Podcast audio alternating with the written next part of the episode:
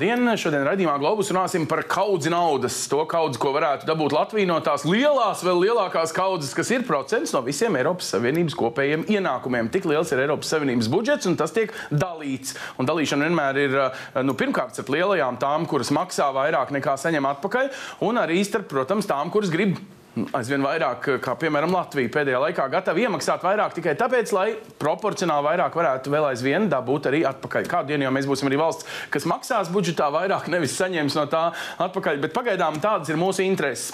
Mēs nevaram būt eh, klātienē Eiropas Savienības līderu sanāksmēm, bet mēs varam būt klātienē ar cilvēkiem, kuri ir bijuši šādās sanāksmēs un zina, kā tās lietas notiek. Un man liekas, trīs īpaši cilvēki, kuri ir cīnījušies savulaik eh, par, ar līdzīgiem nosacījumiem un diezgan labiem panākumiem. Toreiz premjerministrs Aigars Kalvīts, sveicināti.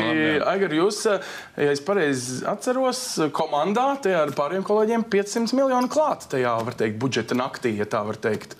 Vai ne? Tās romantiski apziņa. 500 miljoni nav slikti. Uh, labi, parunāsim par to, kā to dabūt. Anšs Šūvels uh, šobrīd ir Latvijā fiskālās disciplīnas padomas uh, loceklis, bet toreiz uh, vadījāt to slaveno departamentu, kuram tad bija jāpalīdz premjeram sarūpēt, jā, visi tie argumenti un, un visi tie aprēķini, kā kopā, kas notiek. Tajā brīdī, kad Andris Piebalgs jau bija Eiropas Savienības komisārs, bet vienlaikus ir bijis līdzīgās sarunās kā vēstnieks, toreiz Eiropas Savienībā klāt, var cikot Andri um, pieredze no dažādām pusēm tajā skatā skatoties.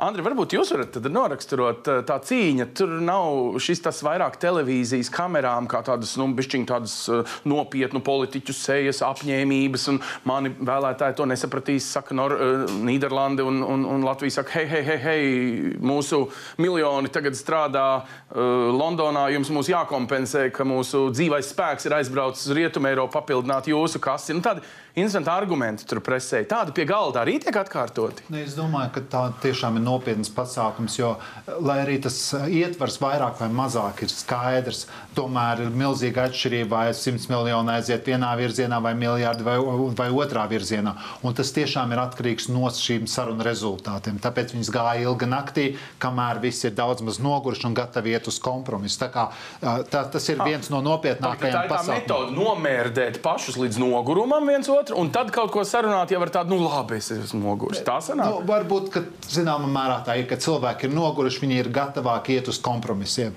Un tas ir viens aspekts, un otrs, pēc iespējas mazāk izmantot padomu devējus, jo padomu devēji atradīs simts argumentus, kāpēc to nedarīt. Tāpēc tas vienmēr aiziet valdību vadītāju līmenī, jo viņi vienīgie uzņemās atbildību. Un tad, protams, pēc tam, kad viņi nāk ārā, tas jau ir cits stāsts. Tad viņi sagatavo paziņojumu, kas pēc iespējas labāk parāda viņu pozitīvo pienesumu. Aigar, tad jūs esat bijis sanāksmē ar 20, toreiz cik bija? Uh, 6, ja, dalība, 5 bija dalība valsts pie galda. Un tur esat tikai jūs, tur jums nav neviens padomnieks līdzi. Jūs varat varbūt īziņu rakstīt kādam uh, vēstniekam vai, vai, vai padomniekam. Ja? Kā tad notiek šī sanāksme un nu, tā izlemšana? Es zinu, ka jums toreiz bija īpašas nosīt, ja tā drīkst teikt, attiecības ar Toniju Blēru, un viņš bija prezidējušās valsts uh, līderis, un, un, un tur tika runāts, runāts, runāts un sarunāts, un tieši tik vienkārši, tur bez argumentiem, tur jau ar emocijām. Nē, es domāju, ka tas process jau ir daudz sarežģītāks nekā virspusēji gan žurnālisti, gan sabiedrība redz. Ja ļoti daudz notiek gan pirms šī samita, gan kuluāros individuālas sarunas. Un patiesībā tās lielākās vienošanās nenotiek pie lielā galda. Viņas notiek pavisam citur. Ja? Viņas notiek kaut kur ārpusē, vai es nelietošu vārdu, varbūt koridoru, bet atsevišķi mm -hmm. telpas, kur notiek individuālās pārunas. Un dabīgi tā dalībvalsts, kas uzņēmusies šo procesu vadīt, viņi arī šīs pārunas koordinē un mm -hmm. vada. Un, nu, vismaz Tajā tas laikam bija 2006. gads, tas budžets tika pieņemts. Nē, tā ir spēkā 6. gadā. Ne? Kurš gads tas bija? 2005. Nu, labi, tas katrā ziņā mūsu pirmais Sestais. pilnais budžets, kas tika pieņemts Jā. pēc iestāšanās Eiropas mm. Savienībā. Ja? Uh, teiksim, tas Latvijas darbs jau sākās daudz agrāk. Es gribētu teikt, tas bija varbūt pat vairākus mēnešus pirms, jo uh, mēs ļoti intensīvi centāmies tiešām uz prezidējošo valsti nu, saņemt viņu cieši kontaktus. Un, uh, man bija tā iespēja ar mūsu ārlietu ministrijas darbinieku palīdzību, Toniju Blēru, lidot viņa valdības lidmašīnā no Kievas uz Tallinu, kur viņš organizēja Baltijas valstu vadītāju viņa tikšanos par Baltijas reģionu mm -hmm. problēmām pirms budžeta pieņemšanas.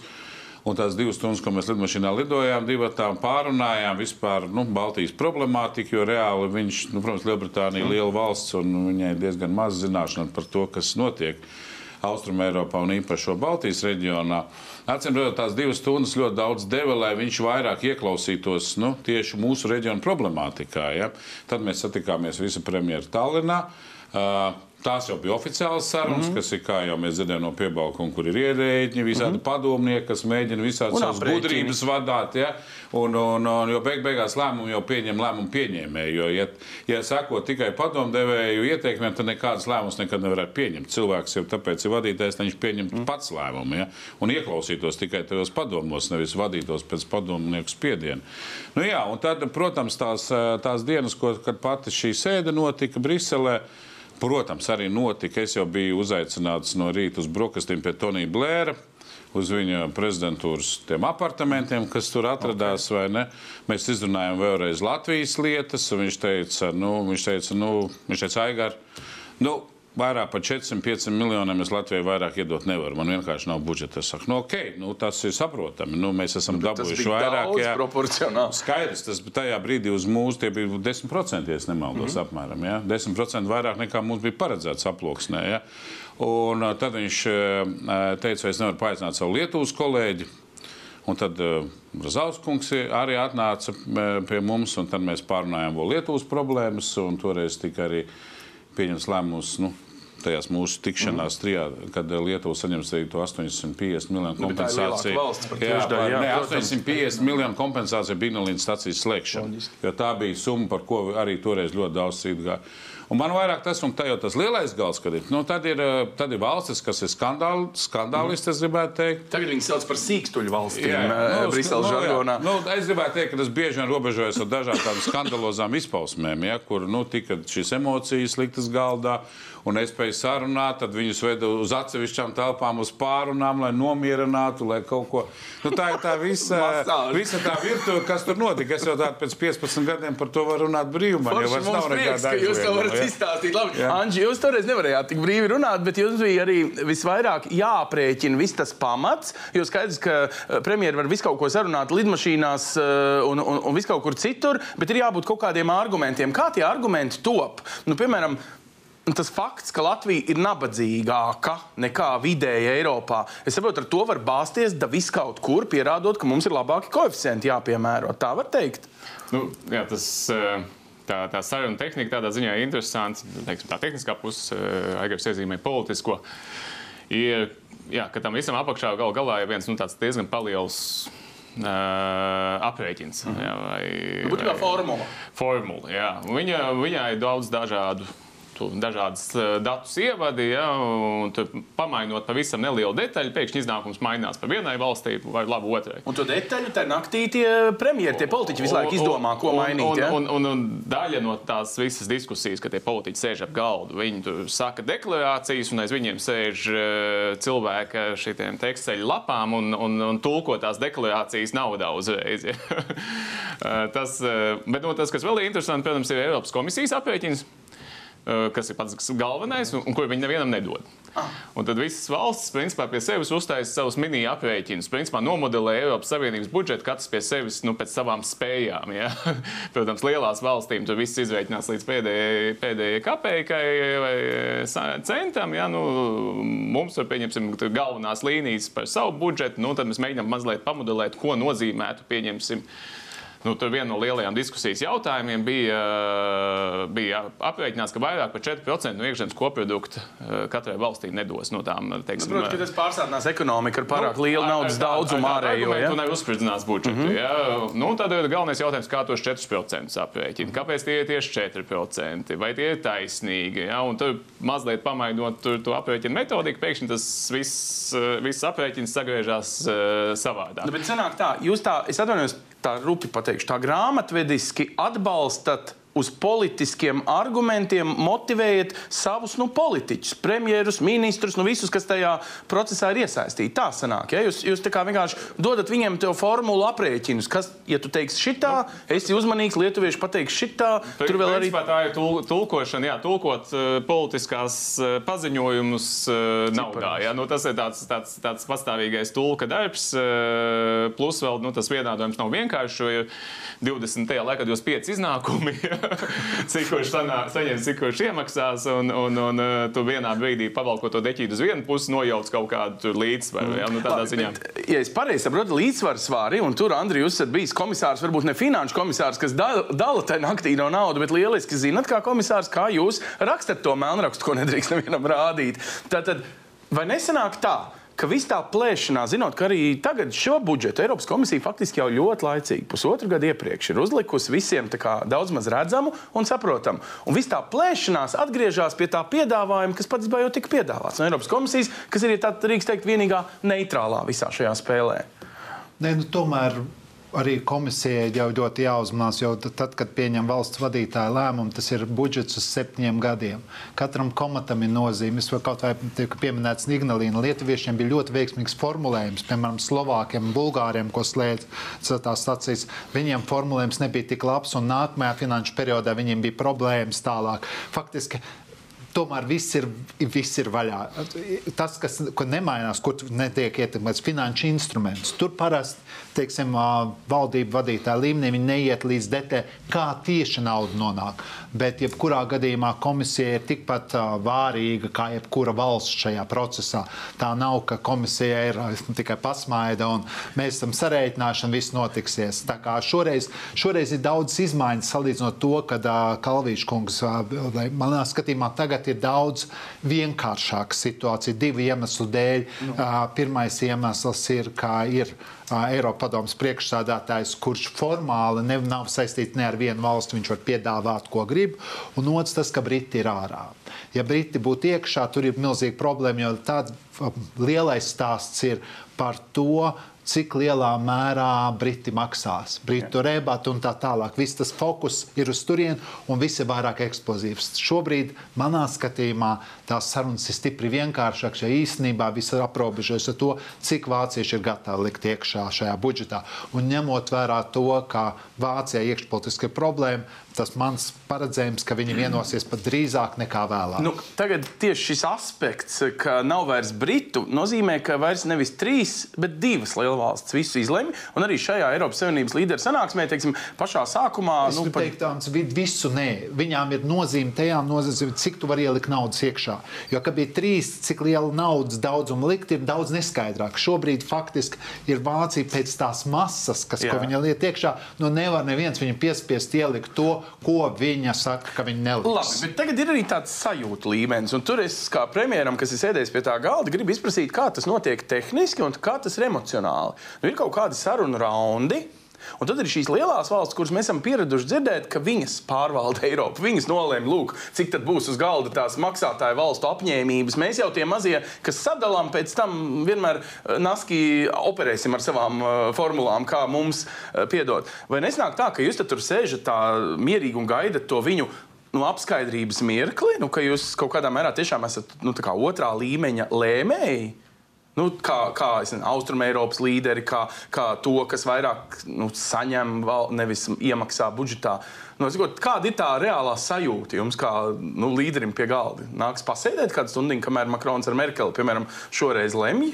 Nu, jāsaka, tas nav atkal nav tā tik, vien, nu, tik vienkārši. Tomēr jāsaka, ir kaut kādi mēsli, kur ir, ir problēmas. Jā, un es atceros, kad uh, iepriekšējā prezidentūrā budžetu neizdevās pieņemt tikai tāpēc, ka Lielbritānija iestājās pozā. Un tad, kad viņi paši kļuva par prezidentūru, viņi šo budžetu veiksmīgi novadīja līdz, līdz galam. Ja?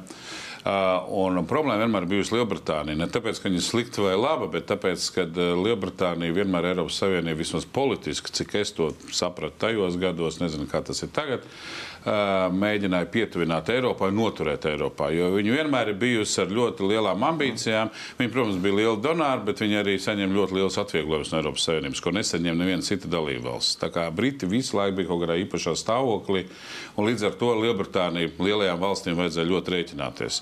Un tur, protams, tās valsts, kas varēja sēdēt pie tā galda, nu, tās savā starpā arī šos jautājumus risināja. Protams, ka nevajag būt naiviem. Latvijas viedokli par to, kā veidot Vācijas, Lielbritānijas un Francijas attiecības, neviens neprasīja. nu, ja kāds domā, ka prasīja, es vismaz kā premjerministrs to nejūtu. Nu, neprasīja. Ja, tas, tas, tur mums nekāda darīšana ar to nebija. Tā kā Lielbritānija skaidrs, ja Lielbritānija ir ārā, tad tas viens no tiem problēmu jautājumiem, ir, nu, varbūt nav vairs dienas kārtībā.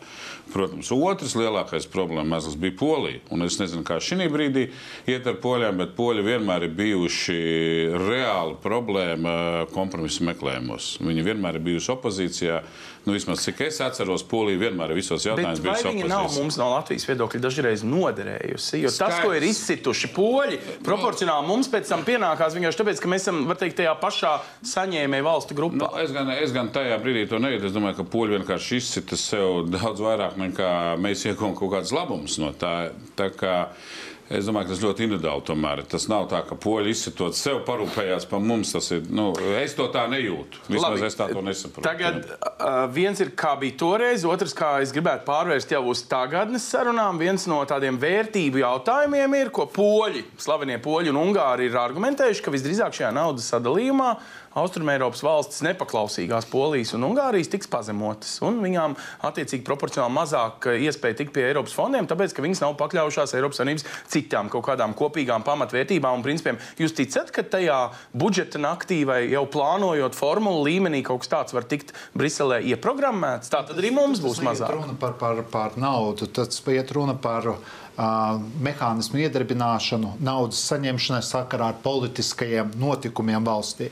Un šeit tagadējais Eiropadomas priekšsēdētājs Mišels teica, ka tādu lēmumu var pieņemt tikai kvalificēta valsts vairākumu, kas stipri maina to situāciju. Es nezinu, vai poļi un ungāri vairs to cels augšā, jo tas, kā ir formulēts, tas praktiski ir maz varbūtīgi, ka tas tiks iedarbināts. Bet tas nav tā, ka aprēķina formulās Polija un Ungārija tiek apiet. Tas ir tieši tas nosacīti risks sakarā ar to, ka šīs valsts tiek redzētas kā apdraud fundamentālās vērtības, kad kaut kādā situācijā viņi iet pat tālu, teiksim, juridiskās sistēmas reformā, ka var iedarbināt finansiālos mehānismus. Cik lielā mērā tā diskusija Briselē par to būs, man grūti pateikt, jo tas ir tiešām ļoti personīgi. Iespējams, ka kādi valstu vadītāji tieši miedegās, piemēram, Makrons par to, ka tur jābūt ir, un tad tā var būt problēma, bet šobrīd nav tāda sajūta, ka ka tas tiks īpaši celts un īpaši vērtīts. Bet varbūt Anģis par to. Anģis, nu, kā ir tā sajūta? Vai, vai es domāju, tas būtu iespējams? Makronu, jo Makronam kā reizē būtu jābūt, jābūt uzmanīgam, jo vēsture rāda, ka tas zobens var apgriezties arī otrā virzienā. Oh, jā. un ir bijušas situācijas, kad jau ir sākušas smieties, ka nu, tūlīt Francija apstādinās lauksaimniecības maksājumus, jo lūk, tur ir dod iemesli, protams, kas nekad nav noticis. Un līdz ar to tā visa diskusija par to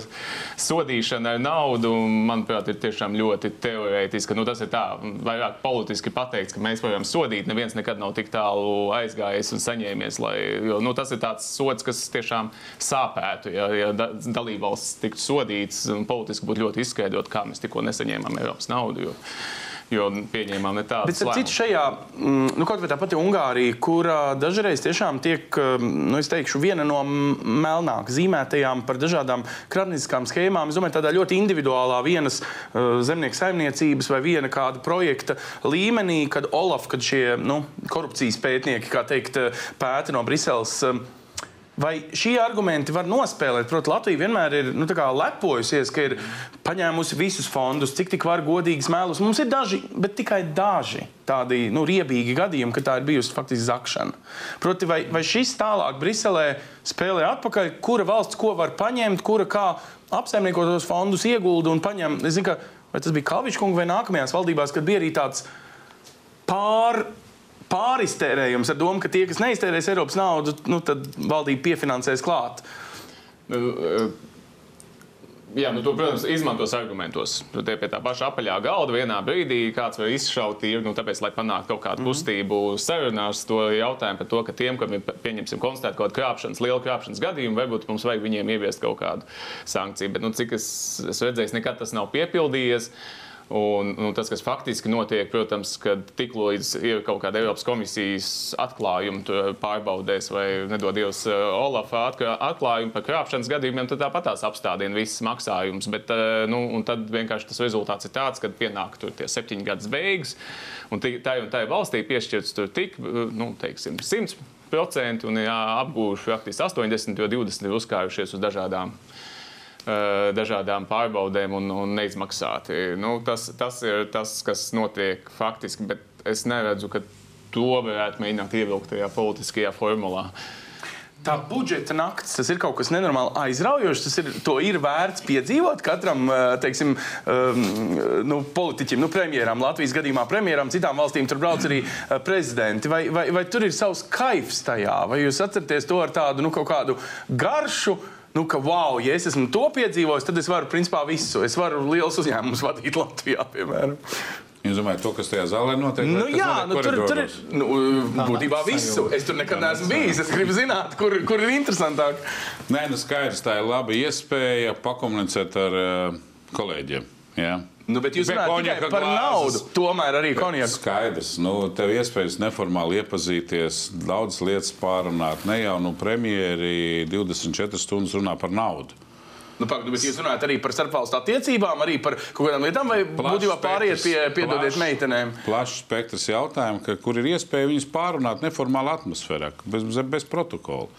Tā ir tā burvība visā tajā lielajā sanāksmē. Un kā tur spēlē spēli to, nu, mēs, piemēram, iepriekšējiem premjeram daļai pārmetām Kučinskim, ka viņš nav eh, nevienā no saucamajām politiskajām eh, familijām, ja tur vai tautas partija grupā vai, eh, vai kur. Nu, tagad Krišāns Kariņš skaitās pat augsta ranga IPP, tātad Eiropas tautas partija mm. grupas nu, spēlētājs, Eiropas līderu tajās frakcijās. Tur tās politiskās piederības arī kaut ko nozīmē pie naudas sadales? Nu, jāsaka tā, ka uh, tautas partija grupa, kurā arī mm -hmm. tautas partija bija. Jā. Jā.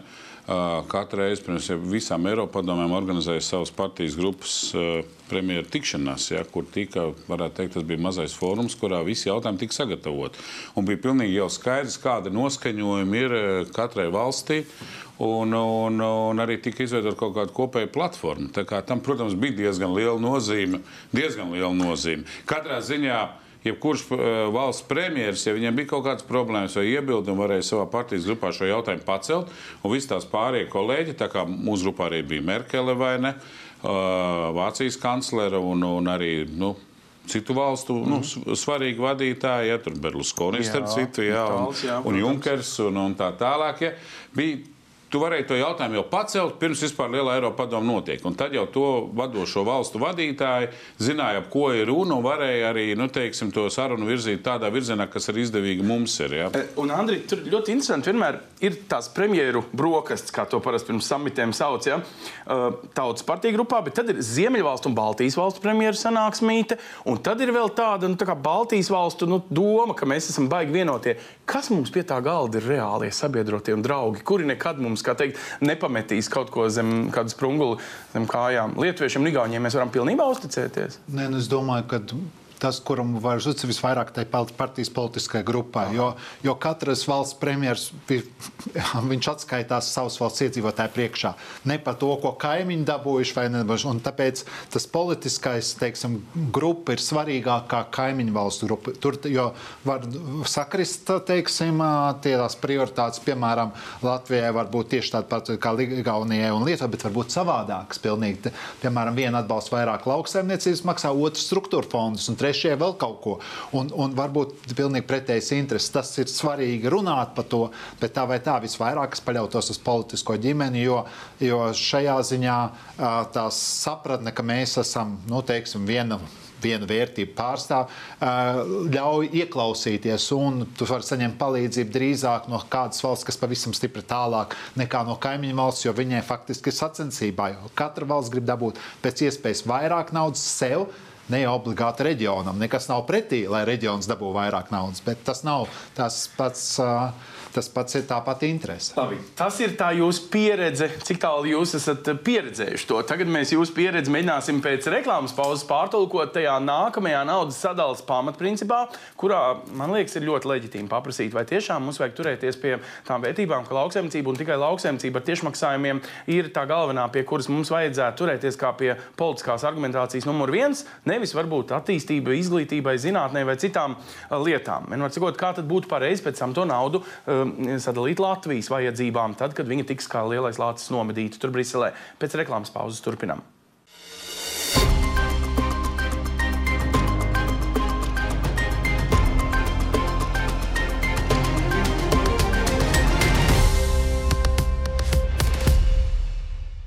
Turpinām raidījumu globus, kurā mēģinām noskaidrot gan aizkulises, gan tos pamatprincipus, kas tad īsti ir tas, kas tiek dalīts, varētu teikt, aiz slēgtām durvīm Eiropas padomus līderu sanāksmē. Šobrīd 26 valstis, nav vairs Lielbritānijas. Varbūt tāpēc vieglāk.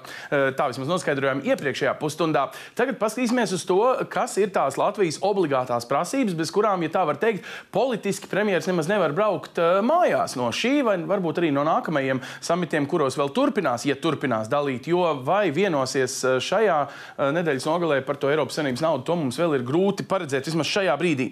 Bet šajā brīdī toties mēs varam paprasīt, vai tam bija efekts. Proti, zemnieku saimnes eh, viena no vadītājām, Maija Dzelskalē, ir telefona klausulas galā, un Maija, jūs tikko pie Eiropas līderu mājas sienas, varētu teikt, ja turpat Šumaņa laukumā Briselē bijāt sarīkojuši tādu Baltijas valstu, es teiktu, tradicionālo zemnieku piketu.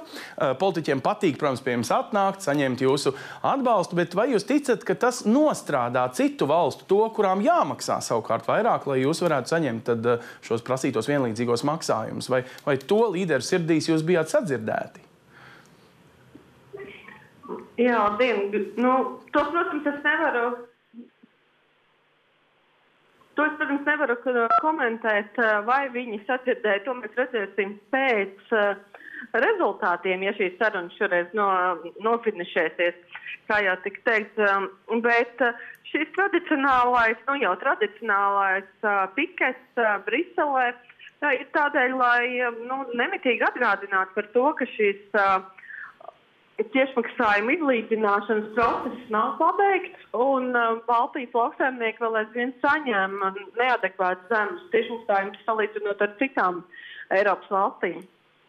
Un, attiecīgi, Maira, jūs tur esat regulāri vienmēr, bet vai jūsos tā vienotība starp Baltijas valstīm? Mēs zinām, ka uh, Lietuvā, ja tā var teikt, prevelē saucamās lielās zemnieku saimniecības, Igaunijā laikam līdzīgi, Latvijā ir tāda, ja drīkst teikt, sadrumstalotāka situācija. Attiecīgi, ka jūs tur esat trīs Baltijas valsts kopā, jums tās prasības vēl aizvien ir vienotas?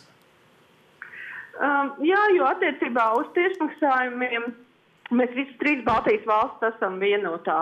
Uh, vienādā situācijā. Tādēļ mums uh, prasības ir, ir, ir vienādas. Protams, ka nav vienkārši varbūt, saorganizēt tādus pasākumus, un kā jau teicu, tad varbūt Igaunijā, kur dominē lielākas saimniecības, mazāk šo lauksaimnieku ir, ir vieglāk vienoties par kaut ko vienu. Igaunija, Lietuva līdzīgi kā Latvija ir ar ļoti dažādu saimniecību struktūru. Um, bet uh, nu, īstenībā liela vai maza saimniecība konkurēt kopējā Eiropas tirgū pie tik atšķirīgiem tiešmaksājumiem uh, nav vienkārši. Un, uh, nu, šī prasība mums ir, mums ir tāda viegli definējama un viegli arī pasniedzama. Jo tas, ko es gribu teikt, ka Brisele jau pēc, uh, ši, pēc iepriekšējo gadu pieredzes tomēr ir sapratusi, ka šie tiešmaksājumi nav godīgi un kaut kas attiecībā uz Baltiju ir jādara. Un tādēļ arī šobrīd esošais piedāvājums nu, tomēr pie kopējā Eiropas um, budžeta samazinājuma Baltijai piedāvā nelielu palielinājumu tiešmaksājumu daļā. Tas, ka tas ir nepietiekams, tas ir skaidrs. Um, nu, tādēļ arī mūsu valsts vadītājiem ir vēl liels darbs jāiegulda arī šajās sarunās, lai pārliecinātu, ka šī izlīdzināšanai jābūt straujākai. Labi, Maira, liels paldies par šo ieskatu. Mums ir tāds radījums saimnieks zem valsts, kur es nojaušu, ka Maira būs drīz viesis. Un uh, mēs šajā kanālā turpināsim mazliet vairāk izskaidrot tieši jūsu to pozīciju un to neviennozīmīgo nevienlīdzību, ja tā var teikt, ar uh, visām valstīm. Uh, es gribētu turpināt ar vēl nesen zemkopības ministru. Aigars Kalvīts ir bijis zemkopības ministrs mūsu valstī gadsimtu mijā, vai ne? Aigar, toreiz nebija tiešmaksājumi pieejami, bet tagad ar jūsu to pieredzi profesionāli skatoties. Nu, varbūt tie tiešmaksājumi vairs nav tie būtiskākie Latvijas valsts patiesās ekonomikas uzrāvienam, ka Latvijas valsts premjeram šobrīd būtu nu, jānopūšās uz zemnieku fona un jāargumentē, piedodiet, jaunieši, bet šobrīd izglītība, zinātnē, kas vēl, inovācijas, ceļi un viss pārējais ir varbūt ekonomikai daudz izšķirošāk. Nu jā, nu, bet saprotiet, valsts jau nesastāv tikai no ekonomiskā uzrāviena, kā mēs Jā. gribam domāt, ka tāds varētu būt. Ja? Ja mēs paskatāmies no ieguvējiem un no iegūmiem Latvijā, es domāju, ka lauksaimniecībā vizuāli visefektīgākie iegūmi ir no Eiropas dalības Eiropas Savienībā. Mēs no pilnīgi iznīcinātas lauksaimniecības ļoti īsā laikā esam kļuvuši par konkurētspējīgu, ražojošu lauksaimniecību un arī sakoptu Latvijas lauku vidi. Nu, es nezinu, cik daudz cilvēki pa laukiem 90. gada beigās brauca, bet tad lauki bija aizauguši ar krūmiem, usnēm un, un nebija apļauti. Tā ir tālāk. par efektivitāti. Jo Eiropas Savienības nauda ir ārējā investīcija. Politika nebalstās tikai, ja mēs runājam par efektivitāti, Jā. vispār vajadzētu atteikties no subsīdijām. Jā. Vispār, jau visās nozarēs, un jebkādiem atbalstiem. Efektīvs vajadzētu būt pašiem spējīgiem izdzīvot un ra radīt šo ekonomisko pieaugumu. Ja? Bet, diemžēl, dzīve jau nav ideāla. Ja kaut kādā nozarē notiek šī subsidēšana, tad tu vienkārši viens nevari. Ja Latvijā tāda pārtraukta lauksaimniecības atbalsta, mēs vienkārši atkal atgrieztos Nē, nu, 90. nu, gadu nu, beigās. ja pārtraukt, tad pārtraukt visās valstīs, vai ne? Tā kā es domāju, tāda kāda ir lauksaimniecība, kopīgā Eiropas uh, problēma, visas Eiropas problēma ir kopīgā lauksaimniecības politika, kas maksā ļoti dārgi. Bet tad arī visiem reizē jāatsakās no šā atbalsta. Nu, tas nenotiks, veidā jāsamazina. Un tas ir neiespējami, ņemot vērā Francijas tradīcijas un daudz citu Eiropas veco valstu tradīcijas. Tas nav iespējams. Līdz ar to ir pilnīgi saprotams, ka mūsu zemniekiem ir jācīnās par atbalstu, lai viņi varētu konkurēt eh, Eiropas tirgu. Un, ja mēs to nedarām, tad mēs vienkārši iz, tā Rīga, tad Latvija beigsies ar Rīgas rajonu robežu. Mm. Nu, Nu, tas laikam saprotu. nav vajadzīgs. Jā. Vismaz šobrīd, tagad Ančs Čubēls šobrīd jāpiesaka tagad kā fiskālās disciplīnas padoms. Cilvēks, kas analītiski skatās Latvijas ekonomiskām spējām, kur, kā teikt, piebērt eh, vajadzības. Jūs nesen, piemēram, teicāt, ka Latvija eh, ir salīdzinoši zemo nodokļu valsts. Fiskālā disciplīnas padoma ierosināja par trim vismaz procentu punktiem nodokļu slogu varam vēl celt. Nu, tad līdzīgi var domāt, kur ir lielākais efekts no ieguldītās Eiropas naudas tuvākajā nākotnē, zemkopībā vai citās nozarēs. Ko jūs, kā teikt, eh, nezinu, lobētu, ieteiktu? Nu, jums ieteikums faktiski ir valdībai vajadzīgs. Ja? Tā sanāk. Es likšu tev, tev vilties nu, tā O. ļoti, ļoti cīniski skatoties uz tieši uz šīm Eiropas Savienības budžeta eh, sarunām, daudzgadu budžetu, kam, kam ir patiesā nozīme, ir absolūtais skaitlis, ko Latvija saņems. Eh, Vai viņš būs sadalīts tur? Tik zemniekiem, tik eh, teiksim, ceļiem, tik zinātnē, tas ir mazāk, mazāk svarīgi. Svarīgi ir tas absolūtais cipars, jo tas ir tas, kas tiešām ietekmēs, nu, ja tā nauda tiešām piezemējās Latvijas ekonomikā. Ja viņi tiek samaksāti zemnieki, viņi jau tāpat apgrozīsies. Ja? un Tam būs ietekme uz nodokļu ieņēmumiem, uz, uh, uz būvniecības sektoru un tā tālāk. Un tā joprojām. Līdz ar to uh, nu, tā, tā lielā dilēma, un tas mums bija savā laikā, arī, kad mēs vēl Kalvīšu kungu tādām sarunām diskutējām par Latvijas pozīciju, uz kuru kārtu uzlikt. Vai mēs liekam uz to kārti, ka izskatās, ka mēs uz tiem lauksaimniecības tiešmaksājumiem dabūsim vislabāko kompensāciju, vislielāko ciparu, vai mēs drīzāk sakam, nu, mēs piebremzējam savu, savu uzstājību attiecībā uz lauksaimniecības tiešmaksājumiem, bet fokusējamies uz kohēziju. Jo tur mēs esam izdomājuši, ka mūsu apskaitīt tur tā un tā, un mēs pagrozot mazliet formulu, dabūsim tos 500 miljonus klāt. Toreiz mēs uzlikām uz kohēziju un vinējām. Eh, Nu, vismaz finanšu ministrijas pārliecība toreiz bija, ka mēs lauksaimniecībā tādu naudu nebūtu dabūjuši. Ja, ja šobrīd ir aprēķins, ka izskatās, ka lielāka cerība un lielākas teiksim, likmes un iespējamība dabūt eh, lielāku naudu no, no lauksaimniecības tiešmaksājumiem, nu, varbūt tā ir pareizā taktiskā izvēle. Es, ne, es neņemos spriest, es neesmu klāt pie tiem aprēķiniem šobrīd. Labi, bet nu, katrā ziņā cilvēki zina, ko viņi dara un, un, un ved sarunas. Bet viena lieta, Andri, kas man vienmēr vēsturē ir pārsteidzis, un jūs bijāt arī pie Latvijas iestāšanās sarunām kā diplomāts klāt. Vai mūs kāds ir apspēlējis, vai mēs neesam sapratuši? Ir taču pagājuši 16, nu jau drīz ja, gadi, kopš esam Eiropas Savienībā, un toreiz, kad mēs iestājāmies, tad zemniekiem melns uz balta, taču mēs nu, tā vismaz tulkojām, arī es esmu līdzvainīgs, ja, kā žurnālists pie, pie šī tulkojuma, ka desmit gadu laikā šiem tiešmaksājumiem bija jau jāizlīdzinās. Un te lūk, ir zemnieki, kas saka, nē, tas nav noticis. Tas nebija tāds no, nosacījums. Bet kas tad ir tas, ko mēs esam pārpratuši? Kāda tev ir ā, ražība, tev, tev bija citāda struktūra lauksaimniecībā. Aha. No tā veidojās tie skaitļi. Viņa strauji mainījās šī struktūra, un tieši maksājumiem faktiski bija jāpalielinās straujāk nekā bija paredzēts. Un, ā, un, un tālāk tās, tās grūtības saistās ar ļoti vienkāršu lietu. Lauksaimniecībā ir aploksne. Ā, Visi piekrīt, ka Baltijas valstīm jāsaņem vairāk, bet es negribu saņemt mazāk. Mm. Jo tev ir kopējais budžets, kas iet uz leju. Un tāpēc ir tā politiskā cīņa, cik tu vari pārliecināt, ka tā taisnība, ko neviens neapstrīd jūsu pusē, ka, ka mēs samazinām savas prasa lietas, jo tur ir tieši tas pats, tā taisnība ir arī mūsu pusē. Un to diezgan pagrūti izlīdzināt, jo tev ir lauksaimniecība, kas budžets visu laiku samazinās. Un tas, ko Ančs teica, tagad es varu vien likt uz kohēziju, jo lauksaimniecībā spiediens ir ļoti liels. Plus, ja mēs skatāmies Franciju, kas tagad zem lauksaimniecību, viņi zem viņu tajā virzienā, kā atbalsts ir nu, teiksim, ekoloģiskām saimniecībām. Mm. Kas ir, es ne, neiebilstu pret to, bet tas ir ļoti dārgs veids. Ja, tas nozīmē, ka atkal tieši maksājumi nav tas populārākais, kas būs, kā, kāds, kā šī nauda tiks izmantot. Un tā ir diezgan nopietna cīņa Briselē, lai nu, teiksim, panāktu šo izlīdzināšanu šajā finanšu perspektīvā. Bet tad ir vēl tāds triks, kā piemēram Polija vai citas Austrumēropas valstis, kas nebija sasnieguši šo piemaksu no Eiropas budžeta varēja piemaksāt no nacionālā budžeta zemniekiem par labu. Tā kā kompensēt ātrāk to. Polija to arī darīja. Latvija arī darīja. darīja. Latvija arī darīja. Tad Latvijā ir nepietiekami budžeta resursi, lai to izlīdzinātību paņemtu nu, no budžeta. Ja? Mēs, ne, nu, mūsu problēma ir mūsu ļoti maz apdzīvota valsts iedzīvotāju blīvums, kāds, kāda ir milzīga teritorija, cik daudz, līdz ar to, no, to nodokļu ieņēmumu, cik daudz, lai tu varētu šo teritoriju tik labi nofinansēt. Ja, ja mūsu dzīvot uz mūsu teritoriju 10 miljoni iedzīvotāji, kad tas ir Nīderlandē 15 uz 3 reizes mazāk teritorija, tad mums nebūtu problēma nofinansēt arī no nacionālā budžeta uh, šo starpību. Ja. Tagad, problēma ir iedzīvotāju skaitā, nodokļu maksātāju skaitā. Tur Tagad es jums gribu parādīt tādu apaļu um, grafiku, kuras uh, pamatmērķis ir mums parādīt, kādās proporcijās uh, līdz šim sadalīja naudu naudu, un šīs grafikas pamatjēga ir jāņem vērā, ka 44% no naudas uzreiz aiziet zemkopībai. Tā nemaz nav šajā grafikā iekļauta, bet šī grafika mums rāda tātad Eiropas Savienības reģionālās attīstības fonds, Eiropas sociālais fonds un kohēzijas fonds. Tā apmēram izstāstīja ieguldījumi. Anģi varbūt varētu raksturot, ko dara kohēzijas fonds, tie ir ceļi vai?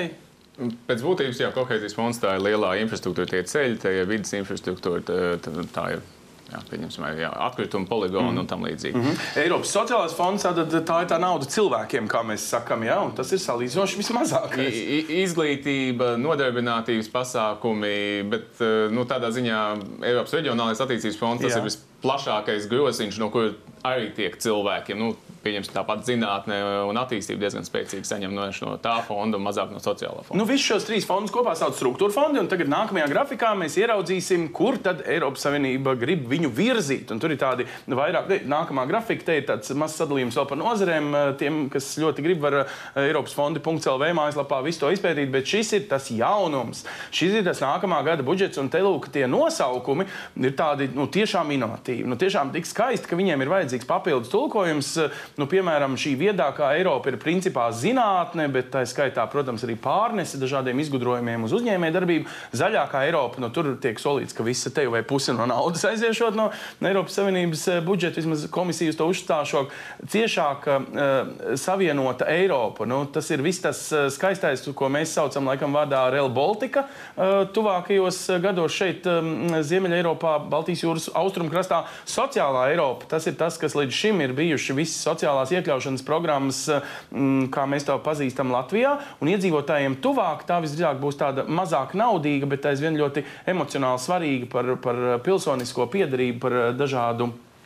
Jā, varbūt arī vizuālu uh, konceptu, kā mēs uh, sajūtamies pirmkārt kā mm, Eiropieši. Uh, kur jums gribētos likt likmes, kur Latvijas valstī būtu jāpiestrādā, pie kurām domām, zinot mūsu jau pieredzi 15 gadu garumā, Un zinot to, ka lūk, Eiropas komisijai tagad ir šādi izvirzītie nu, pieci tādi pamati, laikam, pīlāri, tas skaistais vārds, kā vienmēr Eiropa grib runāt pīlāros. Aigar, jūs būsiet pirmais, kas minēs, ka, ka tur vajag vairāk un šur, šur vajag mazāk. Esat gatavs tagad pabīdīt es kādu Eiropu? Es atturēšos no komentāriem šī brīdī. Man tā kā drusciņi nu, savādāks viedoklis ir. Nu, pagad, nu, nu, kaut kur taču tā nauda ir jāgulda. Ne, Nē, nu, skaidrs, bet nu, te, ne jau viss slēpjas lietas būtība. Skaistos nosaukumos no slēpjas lietas būtība. Un tas, ka ir uzlikti skaisti nosaukumi, viņi bieži vien nemaz nesasniedz tos mērķus, kas viņi rakstīti ir uz papīra. Ja. Nu, pagad, bet tad es jums paprasīšu, vēl paturot prātā, ka tagad vadat gāzes uzņēmumu. Vai uzsvars uz zaļāko Eiropu kā puse no Eiropas Savienības investīcijām vispār ir jāiet tikai un vienīgi tajā virzienā, ir nezinu, pietiekami, nepietiekami ambiciozs, uh, tikai izkārtne, vai mēs sasniegsim tos pasaulē solītos nu, piemēru radīšanas mērķus? Kādā veidā mēs šos mērķus uh, gribēsim sasniegt, pa kādiem līdzekļiem. Tas ir pilnīgi skaidrs, ka klimata ietekme ir, mēs redzam šo ziemu. Mm. Es gribētu teikt, ka gāzes patēriņš ir katastrofāli zems vēsturiski, varbūt zemākais, jo dabīgi, ka siltuma pietiekoši, ja, un arī enerģijas avoti šobrīd ir pietiekoši, ir ļoti daudz ūdens, ļoti daudz vēja, līdz ar to elektrības ražošana arī gāze netiek patērta. Mēs redzam, klimats mainās. Tas ir skaidrs, ka to kaut kas ir jādara. Jautājums, vai šī nauda tiks iztērēta lozungu veidīgi? Nesasniedzot mērķus, tikai lozungus sasniedzot, vai viņi tiks pareizi ieguldīti uh, tautsēmniecībā. Ja? Un tas, kas man uh, rada vislielākās bažas, ka ļoti daudz populisma, ļoti daudz tukšu sarunu, un man vairāk ar vienu vairāk pārņem sajūta, ka mēs to naudu vienkārši lozungos iztērēsim. Nevis ieguldīsim pareizās investīcijās, kas būtu nepieciešams reāli, lai nu, teiksim, sasniegt tos klimata mērķus, par kuriem nu, pēdējā laikā runā atgriezties simts gadu atpakaļ CO2 izmešu jomā un tā tālāk. Un tā tālāk ja? Bet kas būtu pareizāks? Uzbūvēt kaut ko vienu visā septiņu, sešu gadu periodā, uh, nu, tādu, kas izglābs tevi vai pusi pasauli, nevis nē, simtiem nē. projektu. Vienkārši darīt to, kas ir jādara. Nu, mēs jau cik gadus runājam par klimata uh, pārmaiņām un mērķiem, kas Latvijai jāsasniedz. Tā nekas pēdējo 5, 10 gadu laikā nav īsti darīts. Ne transporta jomā ir skaidrs plāns, kādā veidā mēs CO2 izmešus samazināsim. Ne mums ir enerģetikā skaidrs plāns, kā, kāda būs mūsu enerģetikas politikai. Mēs gadiem cīnāmies ar OIKU. Sapratu, ko Eiropas Savienība savā laikā ir. Nu, šo politiku jau tajā laikā atbalstīja. Labi, viņš ir pārfinansēts, pārkompensēts, tas viss ir skaidrs. Bet mēs no nodarbojamies ar lozungiem, nevis ar praktisku darbību. To es gribu pateikt.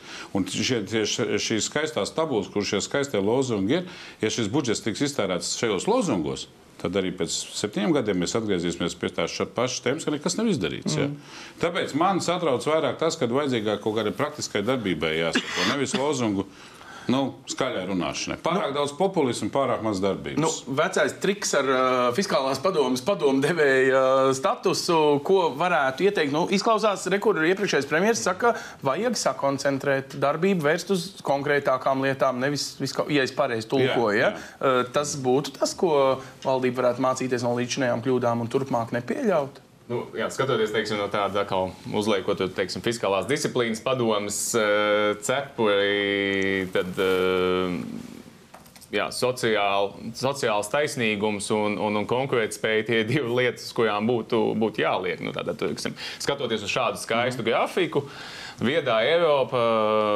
vieta, vieda Latvija viedā Eiropā, tas būtu tas, kas vajadzīgs priekš konkurētspējas un, un, un, un pietiekami daudz arī līdzekļu, ko novirzīt, lai mazinātu to teiksim, sociālo plaisu, jo tā ir tā, kas var uzspridzināt arī budžetu nākotnē.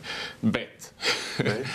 atkal vajag atgriezties pie tā, zinām, mērā, ko, ko, ko Kalvīša kungs ie, iezīmēja, ka nu, jā, tie, tie lozungi zināmā mērā ir salikti, lai nedaudz sajaukt kārtas, jo galu galā nauda, Eiropas budžeta nauda daļa sadalās tā saucamajās nacionālajās aploksnēs, ko katrai valstī iedod. Un tad daļa ir tas nu, lielais, lielais konkurss, skaistuma konkurss, kur visi startē pieņemsim kopīgi uz, uz zinātnes projektiem. Un, eh, un tur mēs neesam nebūtu tie konkurētspējīgākie, lai to naudu, pat ja mēs ļoti teiksim, domās atbalstītu, ka viedā Eiropa un ka vajag zinātnē un attīstībā ielikt naudu, pēc tam, ka viņi tajā Eiropas katlā ielikt un viņi nav piešķirti specifiski Latvijai tad, eh, tad, tad mēs viņu uz viņu nemaz tik eh, veiksmīgi, pieņemsim, pat salīdzinot ar Igauniem, nestartējam nemaz nevienājot ar Somiju. Tad ne? nauda ir vairāk. Viena ir tā, kas ir aploksnē un atsūtīta uz Latviju, par ko te ir tā nu, sadalījums, un ir vēl tāda, kas karājās Briselē, bet jābūt gudriniekiem, prasmīgiem, konkurētspējīgiem, gudriem, inovatīviem, la, la, la, la, kā to paņemt. Un tur mēs principā varētu paskatīties spogulī un ieraudzīt, ka neesam. Nu, mēs neesam starp čempioniem. Jā. Andri, nu, šito es dzirdu, godīgi sakot, pēdējos 20 gadus, ka mēs varētu būt prasmīgāki šajā sadarbībā ar citām valstīm, lielu ambīciju izvirzīšanā. Mums trūkst ambīcijas kā nācijai uz lielām lietām, ja, nu, kur likt Eiropas naudu. Potenciāls mums ir, un man liekas, ir svarīgākais tomēr apgūt to naudu, kas ir nacionālajā aploksnē. Ja, tas ir, man liekas, ir absolūta prioritāte, jo tā ir tā ir nauda, kas ir jāapgūst un kas ir vitāli svarīga dzīves labklājības. Bet līdz šim jau mums ir veicies. Mums jau nav bet, tā, ka jāskaita atpakaļ uz Briseli. Mēs arī ļoti izteikti skatījušies šajā virzienā. Kur mums varbūt pietrūks, mums pietrūks varbūt kaut kāda tālāka projekta, kaut kāds redzējums tālākai. Bet es domāju, ka par to mums nebūtu jāuztraucās. Ir ar vien jauna paudze, kas nāk, kas ir labāk sadarbojas. Un procentuāli, ja mēs neesam tik labi, mēs būsim ar katru, ar katru gadu ar vien labāk. Tur nav tā problēma. Uh, bet es gribu atgriezties to, ko Kalvīša kungs teica. Uh, nekāda vēsture nav bijusi loģiska attīstība. Nekad nav bijusi. Jā, tomēr tev ir jāmēģina skatīties virzienā, ko tu esi. Es neredzu nekādu problēmu, ka tu saki, viedā Eiropa un zaļā Eiropa, ka mēs ejam tajā virzienā. Jā, nauda aiziet garām, kaut kur investīcijas ir veiksmīgas un neveiksmīgas. Bet Eiropa un arī Latvija ir sabiedrība, kas akumulē naudu caur nodokļiem mm. un lieto caur nodokļiem. Labāk vai sliktāk tas ir mūsu modelis, un tur būs muļķības un labas lietas izdarīts. Un pārdala būs, bet tāds ir tas modelis, kādā mēs dzīvojam. Mēs nedzīvojam tādā sabiedrībā, kas ir zema nodokļi, lai arī fiskālā disciplīna padomā, ka mēs varam palielināt, bet ne tik katastrofāli, ka mēs varam palielināt fundamentāli izmainot to, to, to virzību. Tā, tā Eiropa ir. Un manā skatījumā tā nav problēma, ka mēs sakām virzienu, kurā mēs ejam. Andri, bet jūs esat bijis enerģētikas komisārs lieliem. Nu, trans-Eiropas projektiem, kad būtībā Eiropas Savienība vispār ieviesa ne, Eiropa enerģētiku kā savu lietu. Un vai jūs tur taču varat ieraudzīt to Latvijas ambīciju, to lecīgumu, to tālredzīgo domāšanu un ko? Nu, es tā vienkārši paprasīšu, vai nesanāks tā, ka tas, par ko mēs tagad dalām naudu, nākamajā finanšu periodā nozīmē vienkārši beidzot uzbūvējiet to Real Baltica, un tur arī tā Bet nauda aizies. Nav, viss... nav bijis problēma naudā. Tas ir tiešām ir nedaudz, tas ir atsevišķs noteikti pasākums, kas nu, tev liekas, runāt, jo es īsti neizprotu, kā, kāpēc viņš iet tā, kā viņš iet. Es esmu dzirdējis daudzas leģendas, bet tas ir absurds, kad liels projekts, investīcija projekts, kurš ne obligāti var pamatot, kad būs atdevu tur un tur, iet tik slikti, jo skaidrs, ka tas ir gadsimta projekts. Ja mēs ieviesiesim viņu, mēs iegūstam naudas plūsmu, darbu, darbu un potenciālu attīstību. Mēs, eh, es varu minēt vēl vienu piemēru. Bija Helsinkos šajā pirmdienā. Ļoti daudz viņi runā, kā savienot Helsinkus ar, ar Tallinu. Un Jā. būs tilts, un ir jau privāts investors, saka, ka 80 km garš tilts. Jā, bet nu, tāds tilta garums ir pasaulē eksistē. eksistē. Tas nav nekas, wow. tas ir vienkārši investīcija, kas tev jāatliek, un, un tu vinnē no to. Ne jau pirmajā dienā tu atpelni šo naudu. Tās, kas investīcijas, kas ir. Un, un Eiropa ir izdarījusi vienu lietu, no kuras viņi vairs projām neiet. Mēs esam visi valdību vadītāji pateicis, 2050. gadā Eiropa ir CO2 vai green, nu, siltumnīcas izmešu gāzes neitrāla. Nu, tev nav atpakaļ no tā. Mēs esam ielikuši diezgan daudz naudas.